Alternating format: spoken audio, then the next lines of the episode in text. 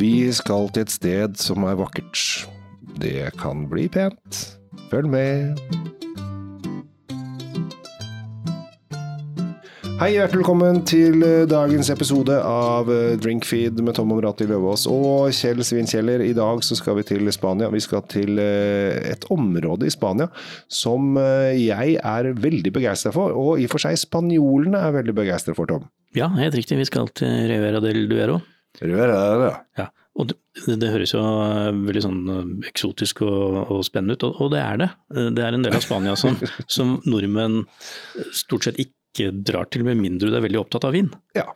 Uh, og det er veldig synd, for det er mange andre ting der som, uh, som er verdt å besøke. Uh, og for vi som har vært der, så er, så er, det et sted du alltid kommer tilbake til. Ja, Nå har ikke jeg vært der, da, men Nei, det er et ny, ny, nytt sånn sted Kjell ikke har vært på ja, enda, ja. men det kommer nok.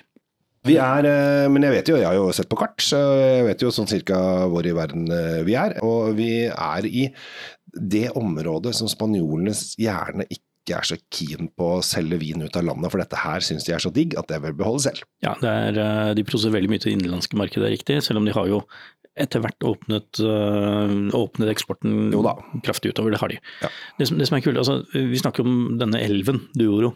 Ja. Øh, hvor dette er lokalisert på begge sider, øh, med tilknytning til, til distriktet. Og Det er den samme elven som bytter navn med en gang han går inn i Portugal. Ja og blir da Duro. Helt riktig. Duero til Duro. Ja. Dette her eh, også kalles eh, altså Det som er så gøy med Ribera del Duero, er at det ligger på en 700-900 meters høyde. Ish, litt opp og ned, selvfølgelig. Det, er, ja, det ligger på den spanske høysletta, som ja. de sier, det, og det, det, er flatt. Og eh, der er det, hva de kaller det, to måneder kulde, ti måneder helvete. Eh, for dette er veldig varmt. Det kan bli veldig lummert ja. ute på åkeren der, det kan det. Og det som er, i og med at det ligger i for seg i, i høyden, kan man ikke si, men i høyden vinmessig, så, så er det eh, veldig varmt om dagen og veldig kaldt om natten. Noe som gjør at drueskallet blir veldig tjukt. Ja, altså Druene må jobbe for, uh, for eksistensen sin, ja. rett og slett. De... Og det er der denne skatten kommer frem. Altså, her ligger magien i Ribera del Duero, altså spanjolenes favoritt-rødvinsdistrikt, eh, ligger i temperaturforskjeller som gjør at druene blir robuste, kraftige, tunge, lekre og smaker nydelig. Ja, Nå må du snart backe opp alt det du sier der med, med en god vin. Ja, ja, jeg har jo, står klar. Jeg, ja, nei, ja, den står klar. Jeg, jeg, jeg, vil bare si litt om selve landskapet og, og, stedene som er der. Ja, for du har jo vært der, vet du. Jeg har vært der. Det stemmer det, jeg har vært ja, der. der. Greia er at reiser, Hvis du reiser fra Madrid, som er lurt, og så reiser oppover, så kommer du til en by som heter Segovia. Mm. Eh, og det er begynnelsen på dette distriktet, som består av en del provinser.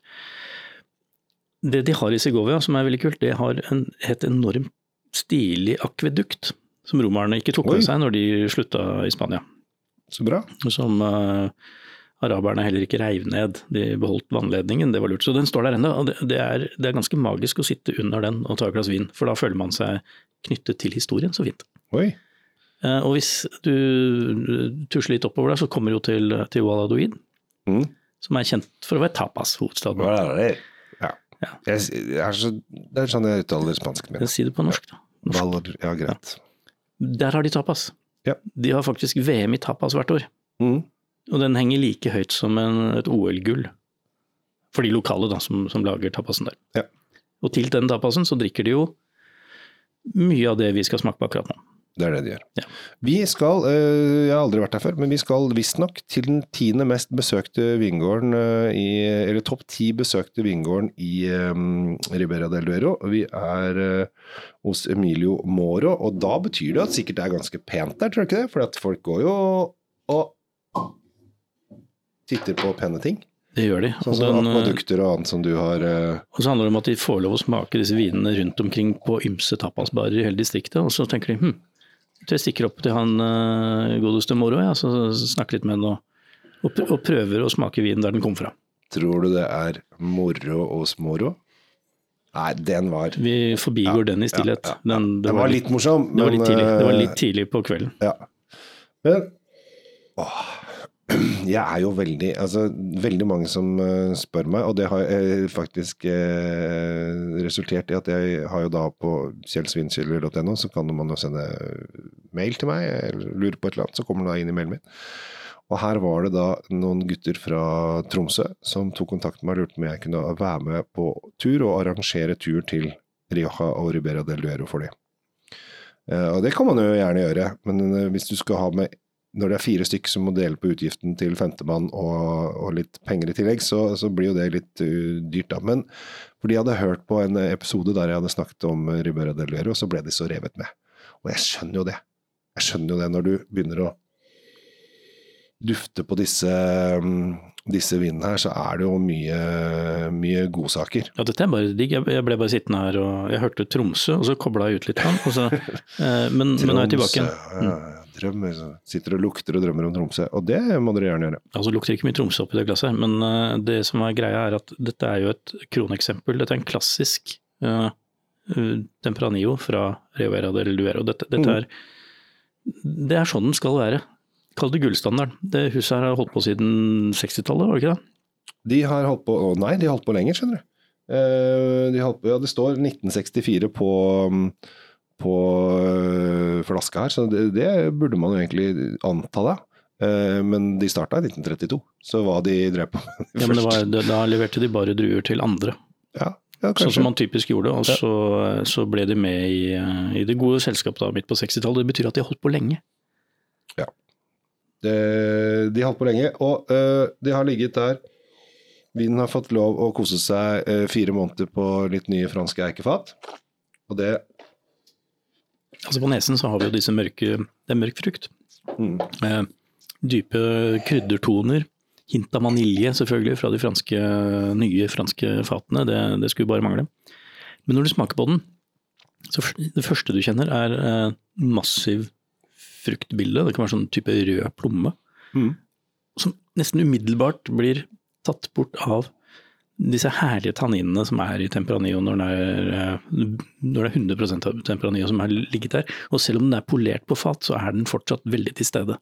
Jeg får også sånn der litt sånn lettere hint av noe sånn nougat mild sjokoladepreg. Den går over i det jeg ville kalle mokka. Sånn mm. nå etterpå, etter at disse tanninene har fått gjort jobben sin mm. inni munnen og gjort noe med den frukten, så kommer disse mokkatone, litt eh, kanskje nougat-ting.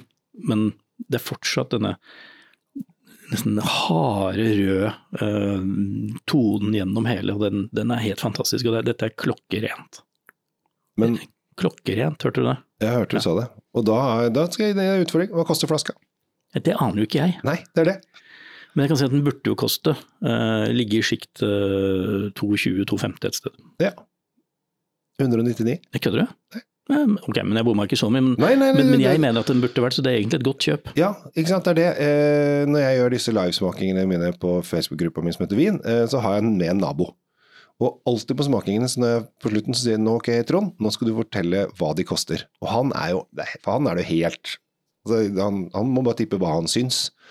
Eh, og hvis han tipper da over det, det som prisen er, så er det jo godt kjøp. For at han var villig, og han er ganske gjerrig type, han er villig til å Ja, jeg sier ok, det er 250 kroner, men ikke noe mer.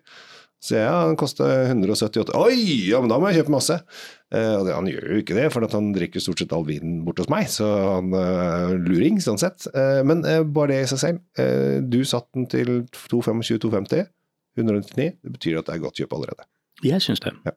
Men det kan godt hende det er andre verdiparametere, men jeg syns den, den, burde koste det. Det hadde ikke vært en upris for den.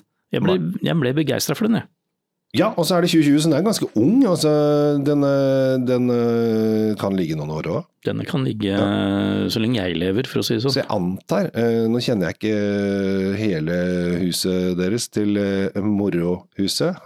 Kjære verden. Ja, ja, jeg vet ikke om det, hvor mange andre varianter de har, men jeg antar at de har i hvert fall en eller to som kanskje er enda kraftigere. Ha, sånn at dette her er en mer enklere varianten. Da. Det kan godt hende. så det, det, det, her skal jeg forske litt på og finne ut av hva det huset har å by på ellers. Ja, og da skal du få lov til det, og da skal dere andre få lov å slippe å høre Tom gjøre det. Så da skal dere få lov å få fri. Eh, gjør eh, hva dere vil med resten av dagen. Eh, hvis sitter du på arbeidsplassen, reis deg opp, gå hjem, finn på noe nytt. Si til sjefen at Kjell Gabriel har sagt det, det er ikke noe problem, det er godkjent. Uh, og så skal vi forske på Emilio Moro Fincha Resol, Resalso 2020 til 199 kroner. Kjempebra. Da er det, da er det fri lek, dere gutter og jenter. Vi, vi andre skal ha klassens team. Ja. Takk for nå.